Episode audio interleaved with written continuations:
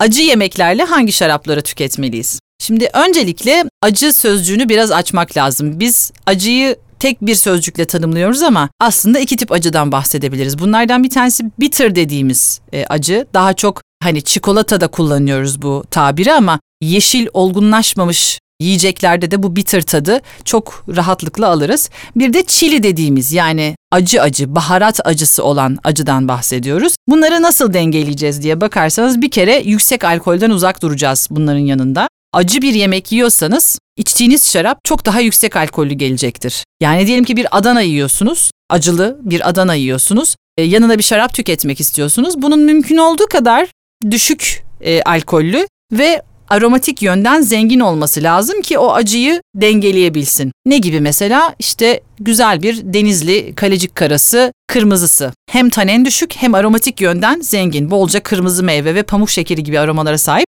Böylece o Adana'nın acılığını ve yağlılığını asiditesi de yüksek olduğu için şarabın Adana'da da kuyruk yağı bolca olduğu için çok güzel dengeleyecektir.